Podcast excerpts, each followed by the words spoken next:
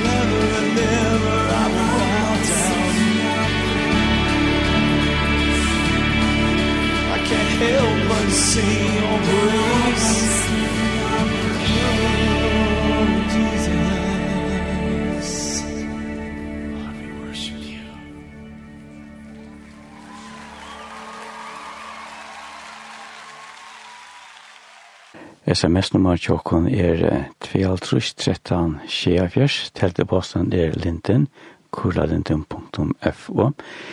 Hjertelig velkomne senda til hva emner evner inntjøkken sendinja.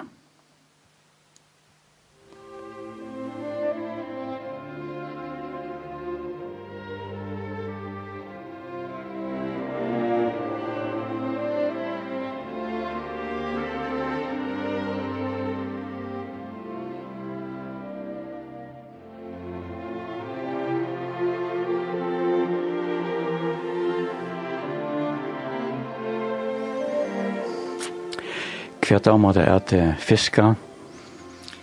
Jeg har alltid vært biten av, fiska roi. Lykka fra ungen av. Og fiska roi har vært fyllt størsta parten av en løyve. Og det er ikke frukt at, at, at det får jeg så fiska roi igjen. Gjert det, ja? man kan se begynner av nødtjon. Ja, nødtjon, ja, ja, ja, ja, ja. Etter kom nattra slåna. Ja, men det er jo godt. Hva blir det ved røyna? Nei, det er fjøren og her og Østlandfjeren og Vestlandfjeren er ångt i. Ja. Her du egna en bata, ikke? Ja. Er det ensamatler eller flere? Ensamatler, ja. Det er det beste av ensamatler? Ja, det er det. Ja, det er alltid alt det omkring vi, det er, men man er som regel ensamantlig, ja. Man får strikkene lykkevel. Ja. Yeah. Han er vi, ja? Ja, ja. Jo, jo. Fart du nekt, det er jo. Nei, det har jeg ikke. Vi er nok til å se på tannmaten. Ja, ta frem alt det nok. ja, ja, ja, ja, ja. Ja, ja. Hei takk.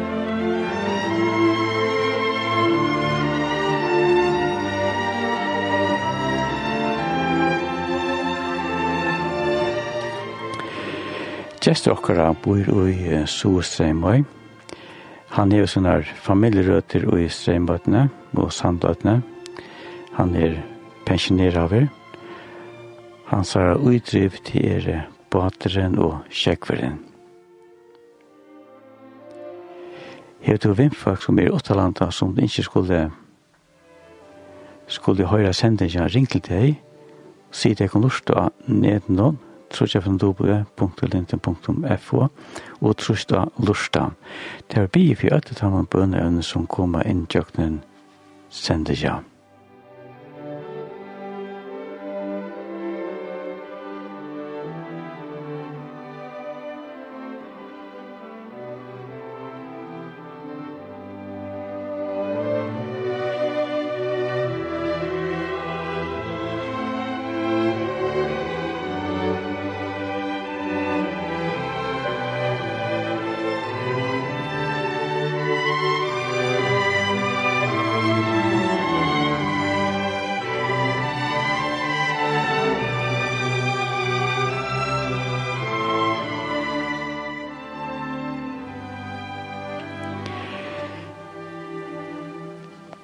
tjøkne løyve til åkne menneskjon kan det være ime som løyve forma seg til på imska måta. Tja, som er mennesken er det slatte kjekke til en løyve en parster av tøy, og tja ørsjon er Det Det kan være draputasjon, lustleien kan være imisk til åkne menneskjen på imiska måta. Men eh, det er eit som er så fantastisk og deilig, og så fantastisk og godt til at eie hentan Jesus innabora og løyven kja sjolvån. Ta ut av vir trappu til sjånen, og ta ut av vir motvinter, og ta ut av trampar moter, ta ut av kunna fjerde til Jesus og kunna tåsa vi han om at løsens vidskifter. Det er bæra så godt og trygt. Heide vita vi innom hvor så godt det er at heva Jesus innabora og lujtjano. Det er det beste og det tryggaste som man kan få her i lujtjano. Så du er velkommen at bjå Jesus inn ut ut lujtjano.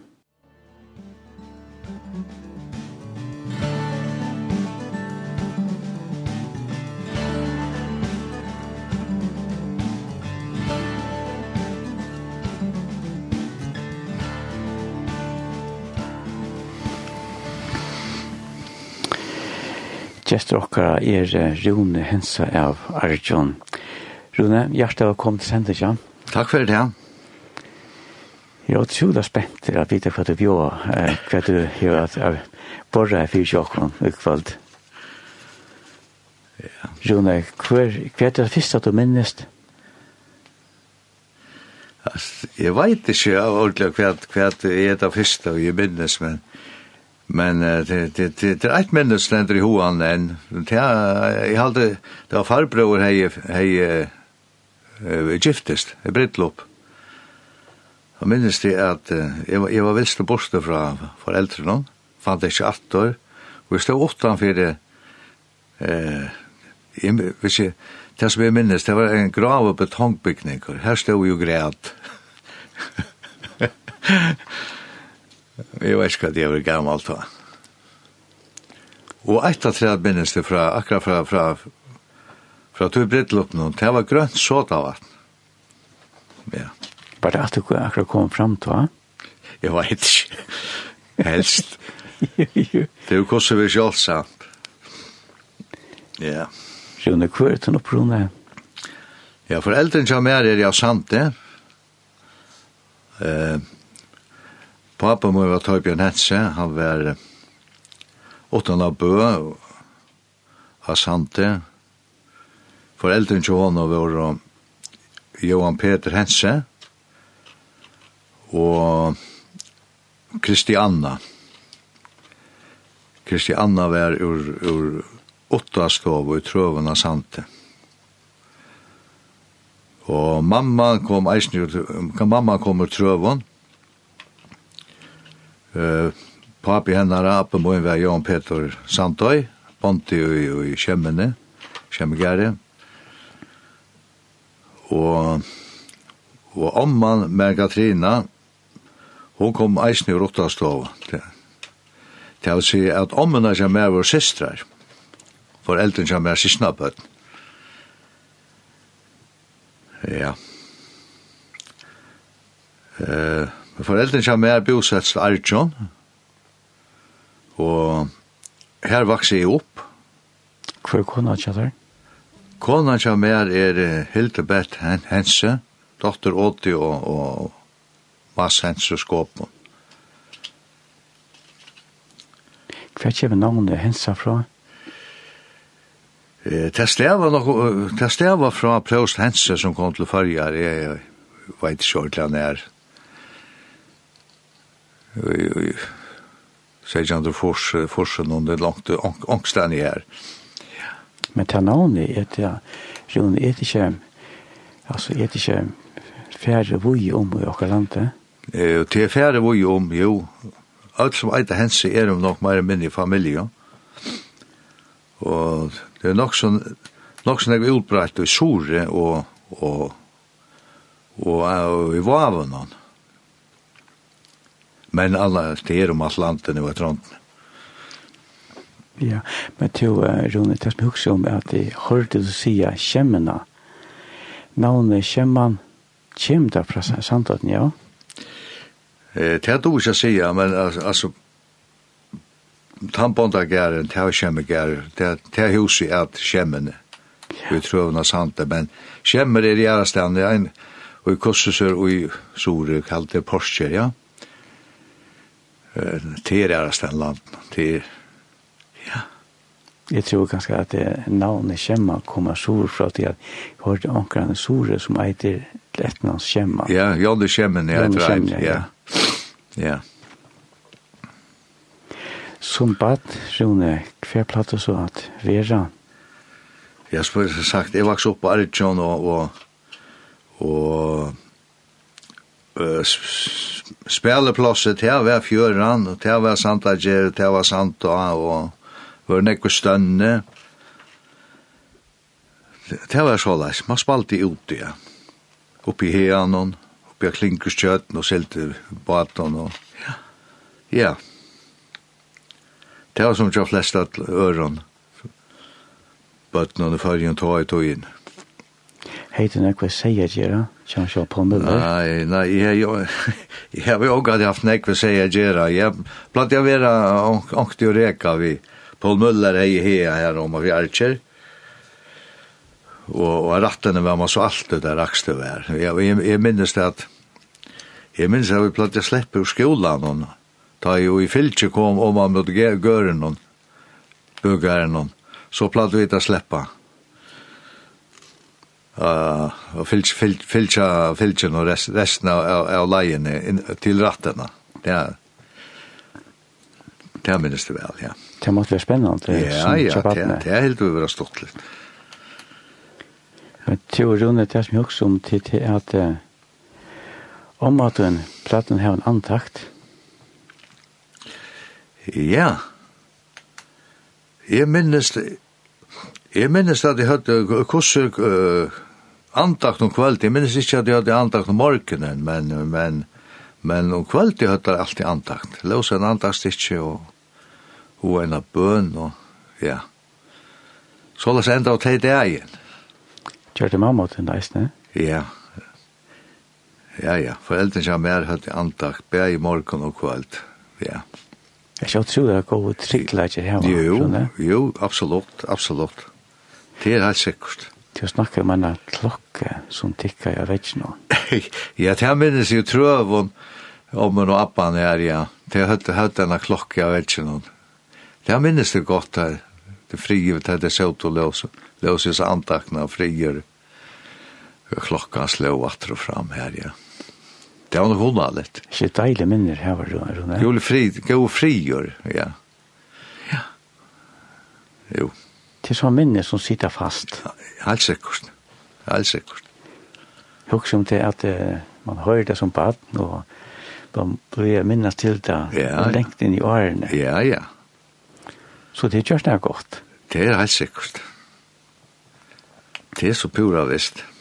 Platte vi en stund vet ikke, Ja, vi spalte en ekko stund, øyla en ekko, og, og vi plater ångte sluppet av rekva, og Rekvo og Krobati og så leis, ja. Jeg begynner selv, ja, Leo Klauti er han som, som tjekk borster i, i, i skåpna fjøri. Han var røyla gau og vi okko smadranger. Han hei fyra mann affær, og det var, vi sluppi ofta nir rekva vi, ofta nir ensamadler. Det har tårt han har lært gott. Så han hei et så godt og allit at det Ja, ja, han var røyla gau og vi, vi okko smadranger, Det var det. Men ikke godt av mest, tror du? Jo, jo. Leo var øyla fyttor. Han var øyla fyttor med år. Det er man skilt, altså. Ja. Altså, papi han sa det. Hvordan var han et? Han er Douglas. Vi kallar han for Dagka. Å ja? Ja. Var han einsmau? Han var einsmau, ja. Koma? Kifte vi av kone i Arjun. Koma for Kryn, ja? Ja, det var han, ja. Ja, det var det, ja. Ja. Bøyla fitte på avreisen. Var ikke nekka vi, han arbeidde jo i Hotel Hafni og Sunnartøy? Uh, jo, jo. Jo, han, han var, han arbeidde som vakter her av Hafnia. Jeg halte han var vi av bytja Hafnia, Hafnia bygde ut av en affær, og kom sittla til Skea. Øylig til Skea. Og han blei kjørt til arbeidsfører rattor. Og ta han meini at her bjau av honom, eh, uh, arbeid som vakter her. Det er kom til han, det er mekna han, mekna jeg vel leisen. Ja. Jeg minns han på at det kom han nian, nu arbeidde som postbå, ja, ja. Jeg minns han på at det kom han nian av båstående her som vidt postbåen såte, og han var ett postnån, han var alltid lika blittlig og fyrkommande på automater. Ja, øyla fyrkommande, ja. Det var konans reisne. Ja. Så bare fikk det i minst ut, ja? Eh, takk og... Ja. Det er sånne, ja? Ja, minst en av dotter som er Margaret, Margaret. det ikke om det var, var flere. Halt ikke. Ikke som jeg minnes akkurat nå. Nei. Nei. Nei. Nei. Kanskje ikke være yngre, nei, jeg minnes det ikke.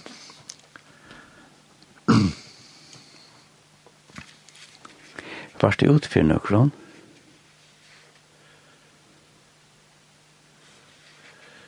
Eh, jeg vet ikke. Eh, jeg men senere finner vi var og dyrt og Uh, Glivesnes, vi ble hava gått seia plass og glivesnes, fyrir tog, fyrir kurser, jeg halte ikke at Ja, det är inte inte är så där vär. Men det vill jag gå säga plats. Det blev en dist av Glivsnes och ja, jag minns det att jag tar i 81 en i 80 är femman affär vid motorer och vi vi var det då en en en en danska en dans, danska dronkor jag var en 14 år jag vet inte vad det är. Hesse dronkorna var inkring det. Han kanske var en 12 år var vimmer og lirte. Og så minnes jeg at tåren slokk, vi fikk, vi, vi fikk motortropleika, motoren sloppa i, og vi får til arrar, vi rønt jeg rekva, men det er ikke så hardt at vi, det er makta ikke, det er makta ikke. Og dette var, det var nok sant og kvöld, det var sommer, det var da godt nok, men det var ut mot skuiming og, og, og Jeg minnes ikke ordlag, vi tar oss ikke og finnes, vi tar oss ikke og finnes, onker kom nå av sleibåken, onker over hever, onker hever observeret her, og henne nok sleib, jeg minnes ikke ordlag, men sleibåken til lands. Men det som jeg minnes, det er til at det som dronkeren sier, han er sikker øyelig av bansjen, det har vi sikker i eisene. Han sier at jeg så en engel, Ossi, jeg så du en enkel, hver, hver var Johansen, han, han, han er se en, en angel fram i skoten og på atten. Ja, det er det, jo. Ja, det minnes du vel, ja. Det måtte jo fantastisk betrikkjande, Rune. Det kan svartla, ja. Ja. Ja, ja. Det sier jeg, vi det er jo gåen hånden, ja. Det er ikke godt å være gåen hånden, Rune. Jo, jo. Vi er en kova vind. Vi det så ikke, ikke så sier han slipper opp av fjall. Det er, det er vi ikke. Det er godt å ha en kova vind. Ja. Du, Rune, hei du også har hørt det, ja? Du, godt å ha, men da hans øyla vel ikke å ha altså, det er, det er bare sanger innhalt, ja. Ja. Og kunne du huske bare hørst, vakna av vårsen sanger. Ja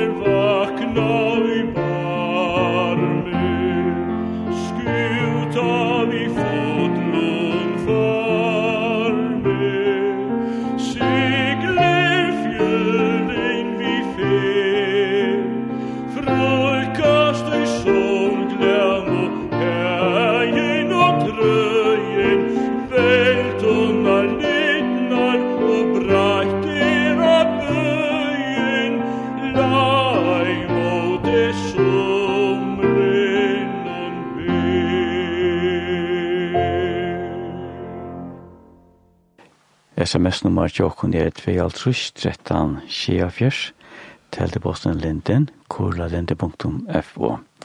Hjertet er velkommen sendt at dere bønner evner inn. Gjester okkara er Rune Hensa, han og familien Bikko Arjun. Rune, Rune, gjekst du i sundagsskola? Du vet ikke nek på sundagsskola Arjun. Jeg var tvær sundagsskolar, brødrene høtt og sundlagsskola og i Hebron, og, og misjonen er i sundlagsskola skolan. Da var det ikke ikke som hos er. Og ikke kyrkje heldur. Så til vi fører sundlagsskola og i Hebron klokkan 1, og så beinen i lakkan og rundt hjem i skolan, og her begynte sundlagsskolen klokkan 2, så så at det finge bo at far. Ja, ja. Ja, ja. Hva er vår læreren her, Rune? Jo, her er brøren og minnes det særlig sikkert er regne. Og i halte at ein er at jeg er han skoilen del, jeg minnes det ikke. Passar. Ein at Potl, han, øyla, han var så øyla milder og vinarleir. En som var Potl, minnes ikke et navn. Vi halte en apoll. Ja. Ja. Og i skolan, hon hever da gamle lærere som vi kallar, Ola Sverre Petersen, og Valbjørn og Maja Dalskar, Rikard Mortensen, og Vilhelmina Johansen, det var sikkert ånder reisen. Men hatt det det som, ja, det som jeg minnes, ja. Gjør det største arbeid, jo. Ja, ja. Det må man si, Godt arbeid. Man ser frukten at han nå, at det Ja. Ja. Ja, jeg gikk sjåvan til skola, Arjun Eisne. Vi gikk skola, Arjun, til ta at eh, Ta jeg var baden, ta gikk vi til i skole Arjun til våre tolvare år vi får i satta klass, vi flyttet så heim i kommuneskolan ja, i havn, i satta klasse, byrja ut byrja ut i havn. Ja.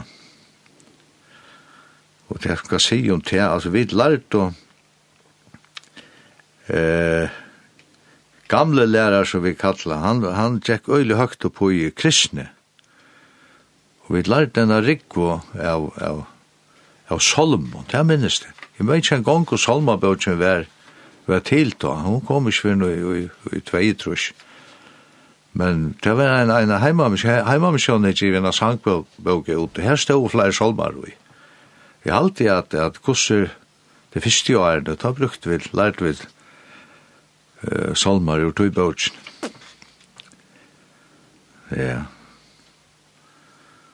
tar læreren som bor i kommunskolen minnes du der? Ja, jeg minn Holger Berensen var, var, var skolastjåre, og så hørte vi en, en som var Hans Hosgård, flokslærer i Tjokkon. Og kvart,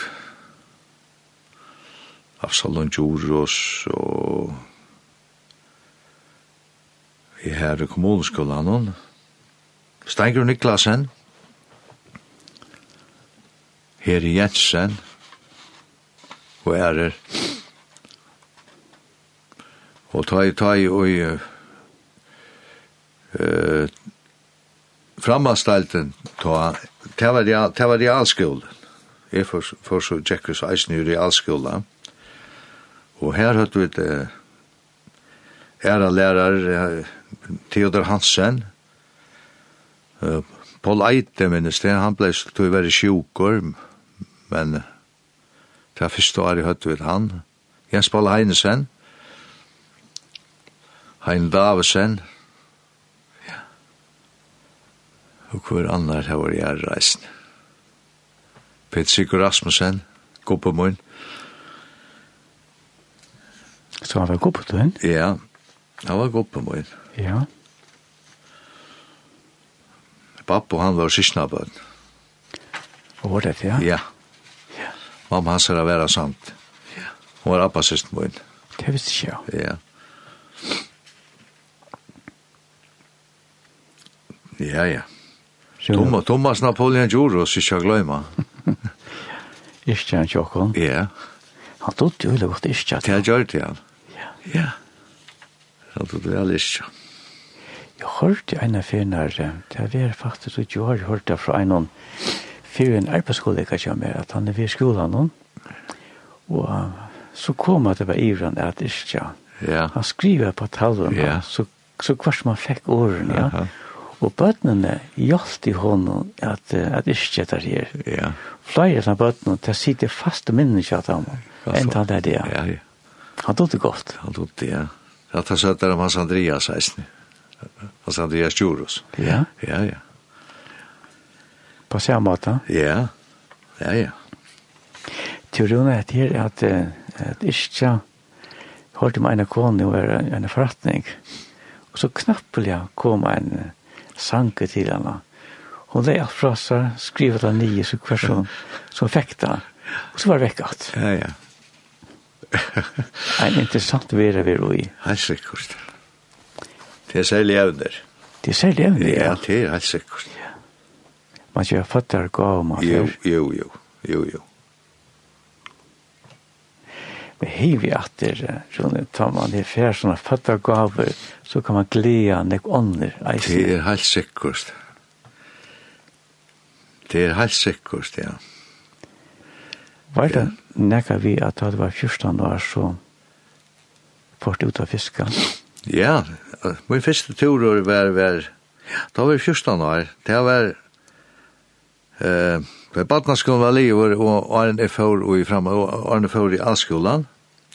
Da ville jeg øyne gjerne slippe alt chips til sommerferien. Og ta, ta fisk og badan silt når han forferger av gøtten og sommer. Og ut av heste. Og jeg fikk så chans vi Vesterhavn og Bløya. Eh, Pappa silti og i tøyra jeg røyna, og marslar vi i Havborgsene, så det blir høykort. Og det blir høykort åtti eisne Vestra og Bloia. Vestra og Bloia var fyrsta løgneskip som kom til fyrja, kom i seksholtrus. Og ja, i halt, hvis jeg minnes rett, så var vi i trutja viker, hetta turen, og vi fink og nastan på i, vi fink 900 og nekva tonner, i halden hvis tusen, simens rett. Og vi fink og, etle jeg minnes at jeg fikk 300 kroner på styrt til turen. Og for jeg sett at sin perspektiv hva 300 kroner var tog i togene, så, så kjøpte jeg et fyra et av her, vi motorer, og det kostet jeg 800 kroner. Ja, så her har penger vi ett lopp i, lopp i av. Så jeg fikk finne på at den turen, til at jeg vikner. Det var godt, det var nek, det var nek penger. Sier nek. Ja. Det var første båter i, i husen tjokken. Og var det, ja? Ja. Så tid jeg opp med funnet nekka og gå og glede av. Ja, ja. Ja, ja.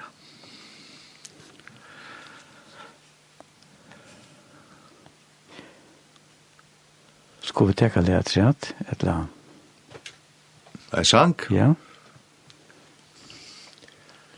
Ja, hva skulle vi teka?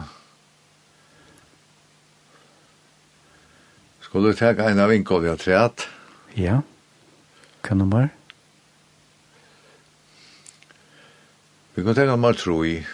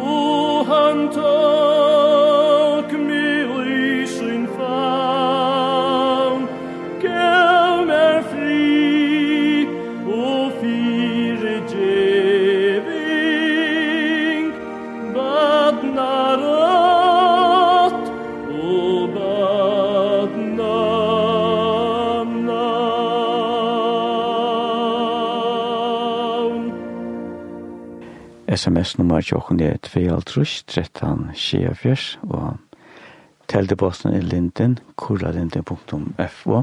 Hjertet er velkommen å sende til grad bønner evn inn som vi får bya fire. Gjest okkar er Rune Hensa av Arjun. Rune, nedfort så sikla? Jeg tar jeg var livet i allskolan, ta for, for jeg å sikla. Mm Og målet kjem her, det var å få siklingsstøy så at jeg kunne fære på sjåmannsskola. Og min første tur, det var vi Porsjesnes. Det var i en flemisk kapp. Uh, vi får om hest i september måned. Men det blei en, en, en nok så drikk på tur, og vi kom ikke hjem at finne januar måned, men, men en, en større part av togene lå vi i, i, i i uh, St. John vi Maskinska, da visste da vi da vi var farner av havet eller farner av havne, ja ja, det var en sånn oljelek, stor oljelek i maskinen, og da visste ikke ordentlig hver det kom fra, men det er helt det at det var for å finne det av det, da det kom i vår men det er ikke land øyla langt tog å finne finne det gode leka, så vi lå flere viker inne i, i, i, i St. John, og han vi sluppet til fiskar i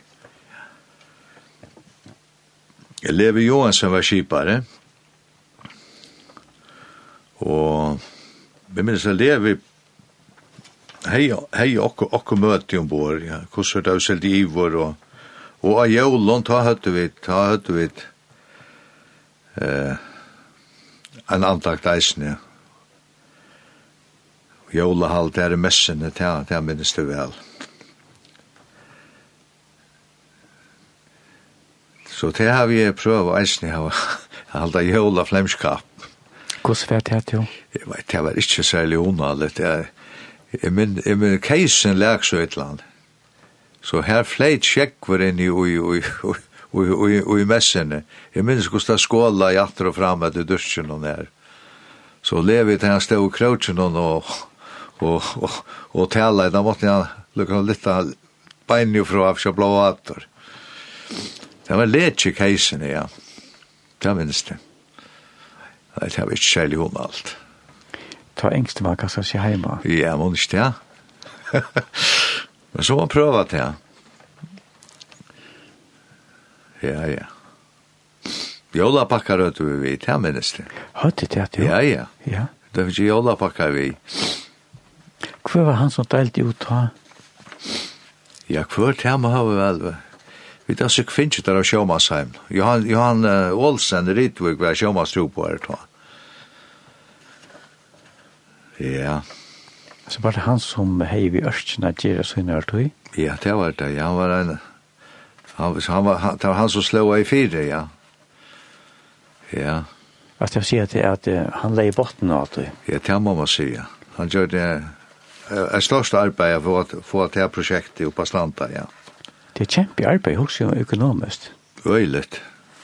Han reiste Osland rundt og Følja rundt og selte Lota Selar. Ja. Var det nekka vi at han eh, hei traktatet vi ja. leste? Hva vet jeg? Det hei han ofta, det er Kossur i Osland, så hei han Jeg vet ikke om han gjør det til Følja og Uneisene, men han hei ofta traktater vi, og så bytte han, bytte han traktater ut, og Var det nekka vi at onk sier nei takk? Ja, det var ikke alle russlendar som, som var så glede for det, som tog så veldig mot og i.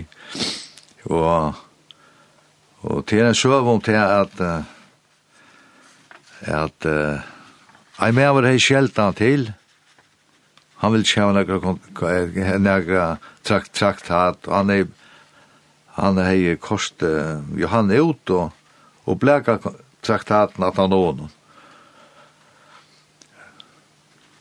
Jeg vet ikke om jeg forteller etter rett, men altså, eh, jeg mener han tok traktatene, han, jo han tok ikke nei for en nei, det gjør han ikke. Så han får, får tok traktatene opp, og la horen opp og bleka traktaten i gonsjene. Og Jeg halte jeg søvann sier til at disse medveren er så, på et eller annet tørspunkt tidsi sa traktat og lysiana. Og henta traktaten gjør det nega vi mannen. Vi brøtte mannen. Så han blev en tryggvand, det som jeg var. Det er godt at han ikke tog en nei for nei. ja, ja. Og bjerga er mannen. Ja, ja. Og han fikk et bedre liv. Onker, onker søve er, er at, at han, han tog... Uh, hvis, hvis det var noen som visste om den Dora Fjøringen, så tok han traktatene og, og, og hongte han av snøren, han klemmer jo. Men jeg vet ikke, vet ikke om det. Jeg vet ikke om at han bare søva, men det kunne godt passe vid ham. Han var, han var ugen, høylig ugen. Him vi at det er rolig, at jeg forteller om han ugenskap for Jesus. Ja, det er det, absolutt. At ikke teka nei for nei. Ja. Ja. Så man kunne gå for så vidt bare bakke ut av det. Ja, ja, ja.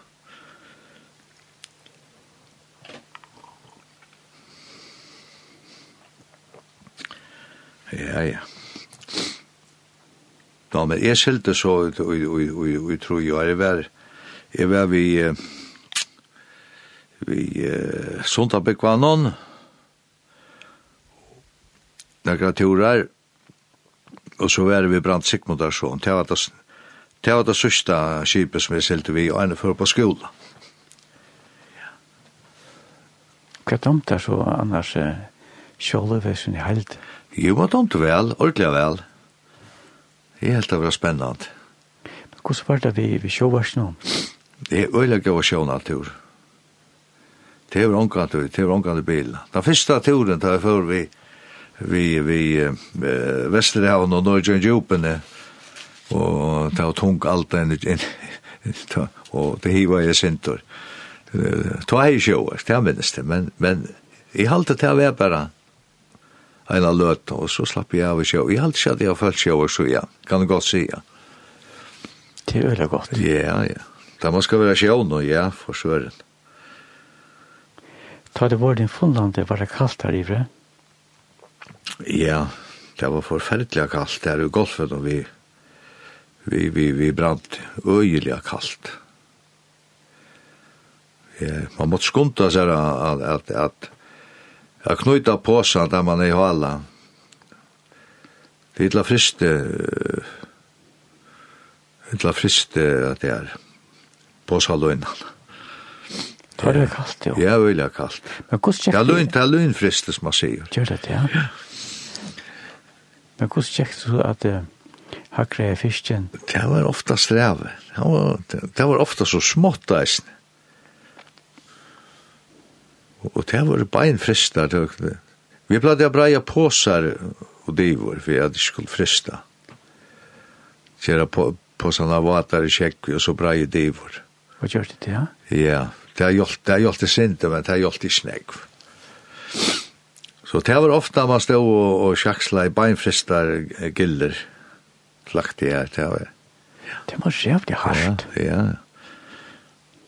Og ofta løtte vi det kølevatten i, i, i varsbanen. Fyrir at tida fisken opp, og anna for lastna. Kjørte det, ja? Ja. Jeg må si at man bruker en øyelig orske ta. Ja. Ja. Nei, det var øyelig kaldt, ja. Og baden var åpne, da. Ja. Her er moner og kvidighet, jo. Ja, det er det sikkert. Ja. Det var alt under dætj. Ja. Så når jeg skulle tega lea, sant? Ja, vi kunne tidsje, jeg må hava jeg svimmer. Ja. til her, ja? nummer seks, ja? Nummer seks, ja.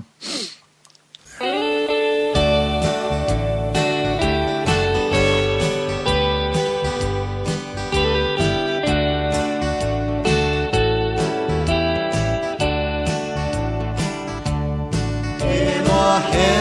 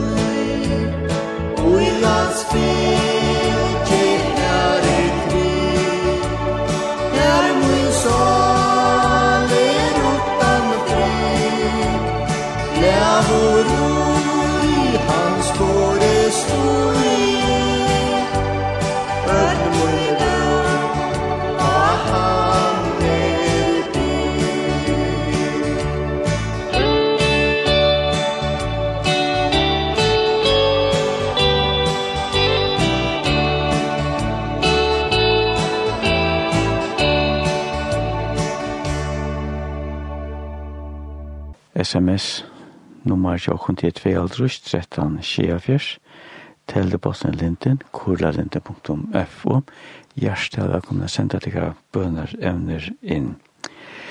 Gjest okkar er Rune Hensa, han bor av Arjun vi familjene. Ta du silte, Rune, var det nekka vi har leve av vittikon? Leve vi? Plate leve, jeg synes jo til Ja, ja, ja. Det domte hun vel, Levi domte jo vel a Sintja, hele tids. Jeg minns reisende han, han hei en harmonika vi ombord, ta åtti jung harmonika, og vi tog til lytte spela ta eisen, men uh, vi platt jo ikke a tralla. Han, hun, han platt jo Sintja ui, ui, ui telefonen. Han stemma i så ytla, han er ikke ytla, han snakka, men, men han Sintja, det var pura reie. Var det, ja? Ta var, ta var, ta var ikke problem. Han sang så velleisende. Ja. Og han ble det sindssyk telefonen, og onker du i halvtid her båten kan være vi. Ja. Så det er månen mittlen tar han til seg og ta ui hjem. Han sank. Det var veldig måneder. Det var måneder. Ja, ja. Ja. Ja, ja. Sylvia Sande, sank han eisle? Ja. Ja, det var nok så vanligt at, at det var nok så vanligt. Det minnes godt at det jo som smådrang man ble lust et skip noen. Ofta det var det helt av jeg vet ikke om det var var fasta tøyer. At så det var så var alltid onker som sanka. Så folk ble det lusta. Ta var inte ta inte lente, men ta var det så fiskabiljan. Fiskabiljan, ja, ja. Ja, lust et skip noen. Ja. Det var øyelig ofte han at, at, sank, at sangen var høyre. Ja, Sølvia Santi, han var som fra Murskerand sankar. Ja, han sank øyla nek i, i telefonen, ja. Fjallt han var vi øyra skjera. Ja. Ja. Det var, det var, det var, det var, det var, det Det sitter nekker gong til ein og rune, da man hører sånne pene røtter. Helt sikkert, helt sikkert. Det, det rør hjertet, ja. Det rør hjertet, ja. ja. Absolutt. Sølvi Sande, Hvor gammel man han være nå? Sølvi? Ja. Han må vera 92, alltid, ja. Her alai. Ja. Den høver alt. Han er kommet høgt opp i årene, ja. Ja, vi halte han om um, 92 år, ja. Han kostet færen vår bo i 95. Ja. Så han brukt røttene til oss her, Imsa Stenes. Helt sikkert. Det er alltid gjørst, ja. Det er minst eisen som smadrong og ta i og i ta i misjonsvike var i havn. Sølvi var alltid av misjonsvike i havn. Og alltid sankan. Gjør det, ja? Alltid. Ja. ja. Fantastika pena rødt. Ja. Det er han, er, han er brukt sånne talenter. Ja, jeg er helt sikkert. Det er visst. Men at Rune, altså en som brukar sånne, sånne talenter, han kan være vid til å sikta så nek andre mennesker at samme. Ja, nettopp. Ja. Ja, ja. Ja, ja. han er åpenbart født av talenter man er. Ja. Ja, ja.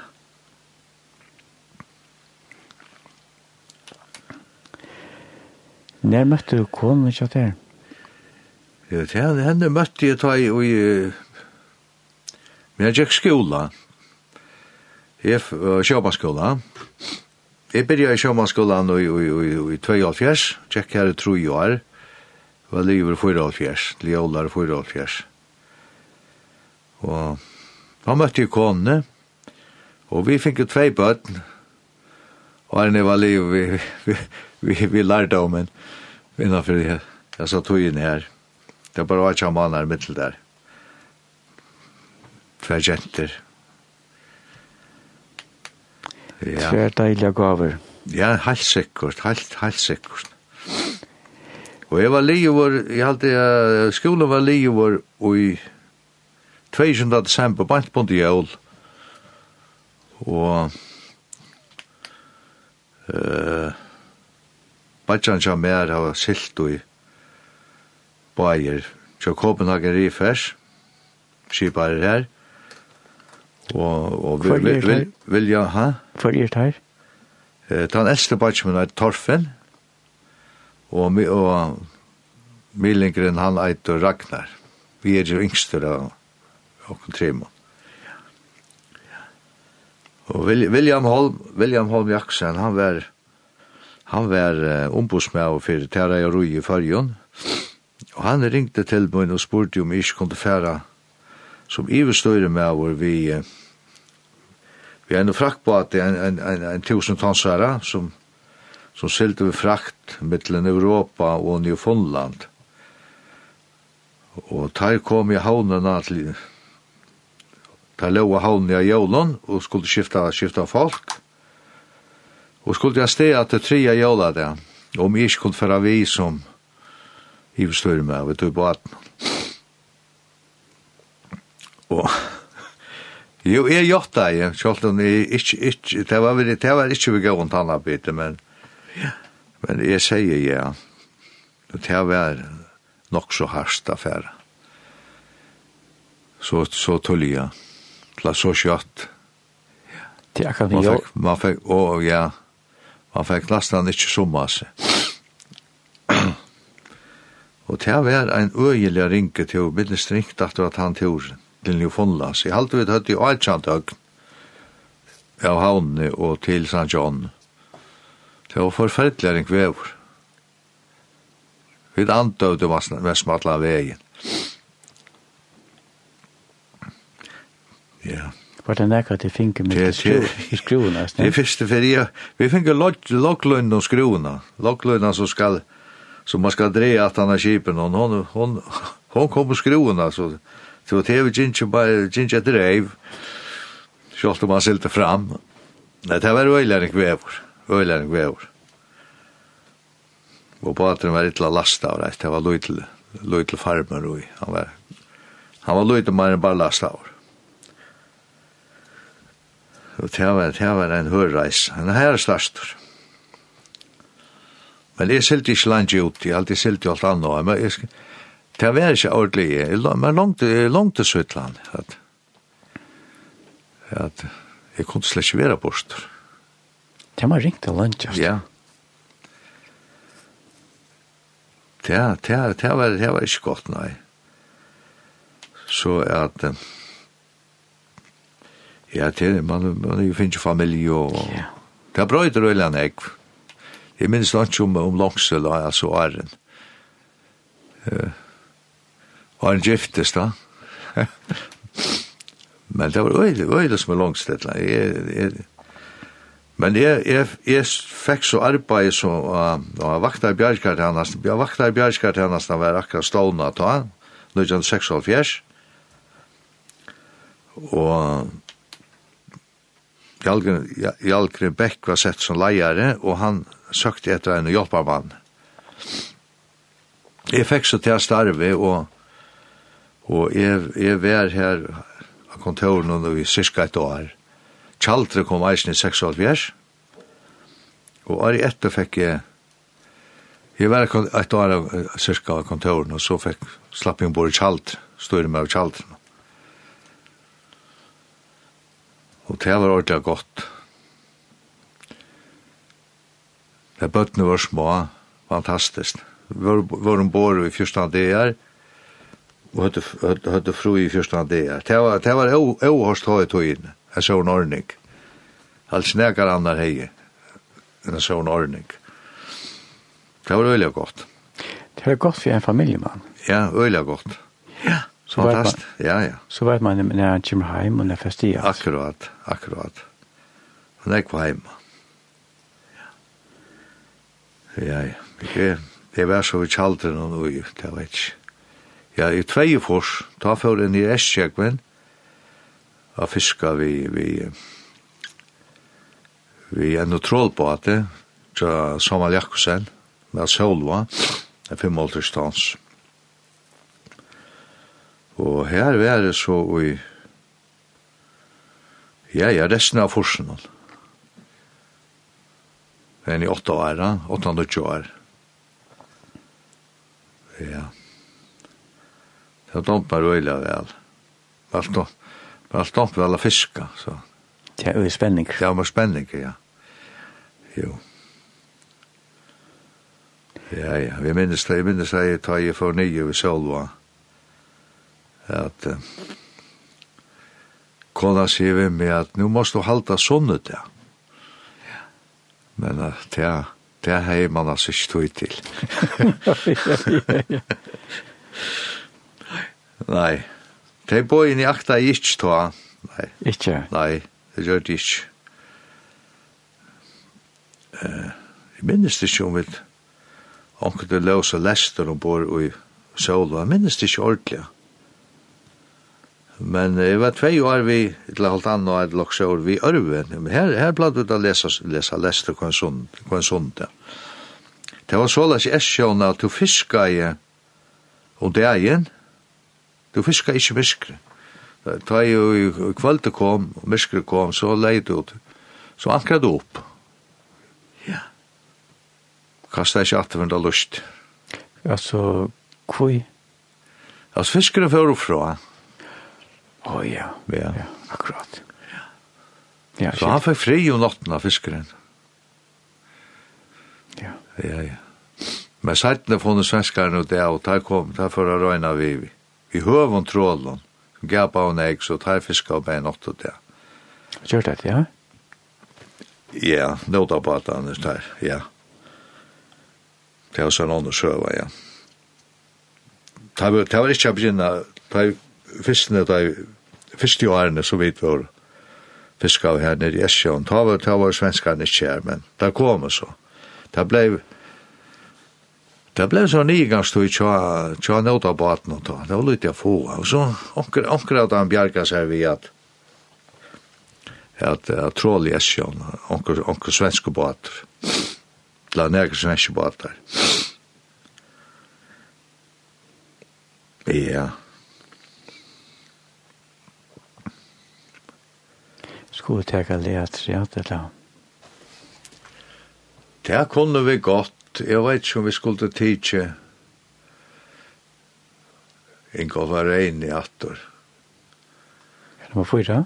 Ståret og trofeste, ja. Må få i det? Ja, kan man det.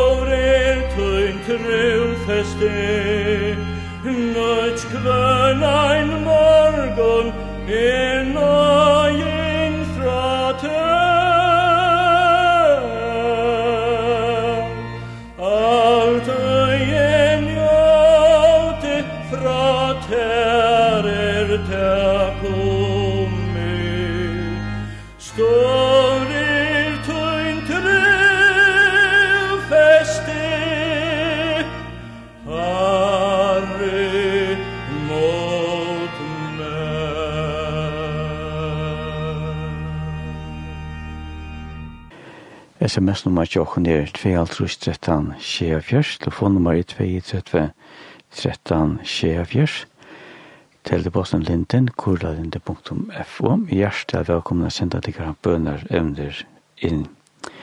Gjester okkar er Rune Hensa, han og familien Bikko Arjun. Rune, var det et særlig opplevelse du heier? Eh, Jeg vet ikke, ja, det kunne være i okkost. Et, et som er, et som setter seg ordentlig uh, djupt som er, det er tog inn i hver esjån, og det var, det er var, ta ein ein ein god vinn tja med, a sjålast, han platt jeg vera, han platt jeg vera løse av, Han var ofta en sommar og løst i av og på Sjølva. Det domte jo nøyla vel. Og jeg minnes det sørste fer og jeg så han. Han, han, han, han tjekk bostor og høtta sånt over sin egna bate. Og jeg minnes godt uh, sørste fer jeg så han. Og han har heim, den turen. Det var en sånne der. Ja så sier, så sier han ved meg, spyr han meg om jeg er ferdig i kyrkja. Jeg sier ja. Jeg er alltid ferdig i kyrkja. Ja, jeg halte jeg kommer vi, sier han. Og det er som vi tveras i kyrkja, og nå er alt der gongt, og så sier han ved meg, først til altars, sier jeg, jeg halte jeg ferdig til altars. Ja, jeg kommer vi, sier han. Og vi får så til altars. Og jeg gløymi ikkje tøy og vi kom ut ur kyrkjen i hendan sånn sånne morgon. Kossi han stralai, så sier han, varstu kvædrun, hetta er fyrste fer og jeg er til altars og jeg det blei kom mer av. Og han var så glæver fyrir til, fyrir til og det var sørste fer ui, ui, ui, jeg så, så han, en, en av vik, eller fyrstan han der var ikke akkurat, seitne ta, fikk, fikk et despo inn i avn, at han var kjenje borster, og sånt. Ja, det var størst. Det var jo også det størst. Ja. Det har jo sett seg ordentlig, ja. Ja. Så som at jeg rundt, at jeg sitter for løyve.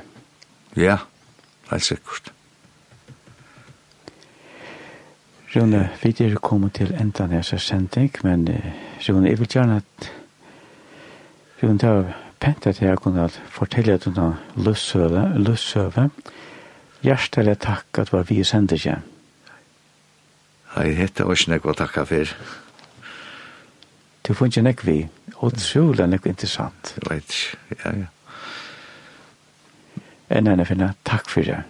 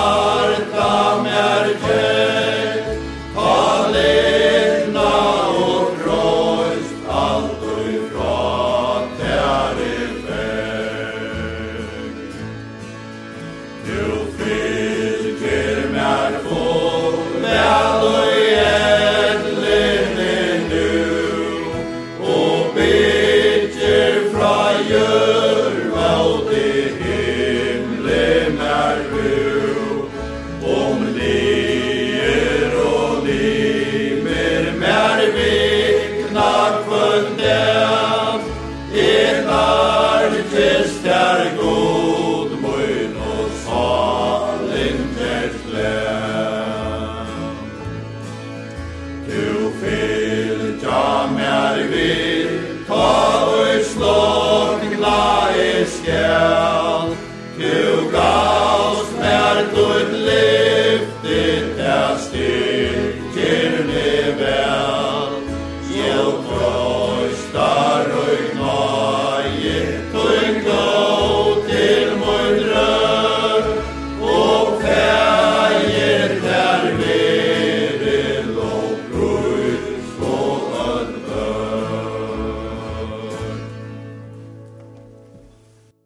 Hasen Sankeren, han, uh, han er vil på en måte gjøre til boen, til at jeg, jeg føler at han, han sier til oss som jeg hvordan ikke vi må inn og løyve, og til som jeg eisen har oppleva, vi må inn og løyve.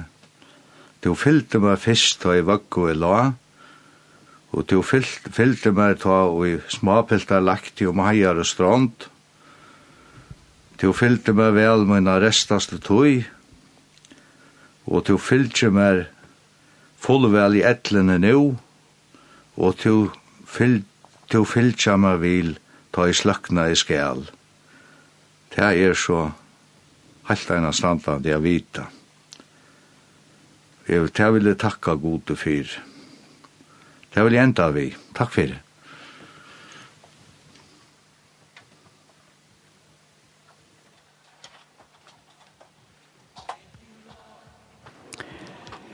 Vit, Rune og Anfen er kom til endan av hessa sending. Vi takkar deg hjertelig for at du har lurt etter sendingen. Sending vi enda sendt månadagen, cirka klokkan 13.20. En nytt sending vil nå komme til høsten. Sendingen vil løgte heimasøyna, om, om du ikke har høyra sendingen, fer til www.linden.fo, så gjør til saun og vel online bøn og prat. Vi ringer til og tog inn noen godsryk og sikning framover. Jeg har det så hjertens godt, at som er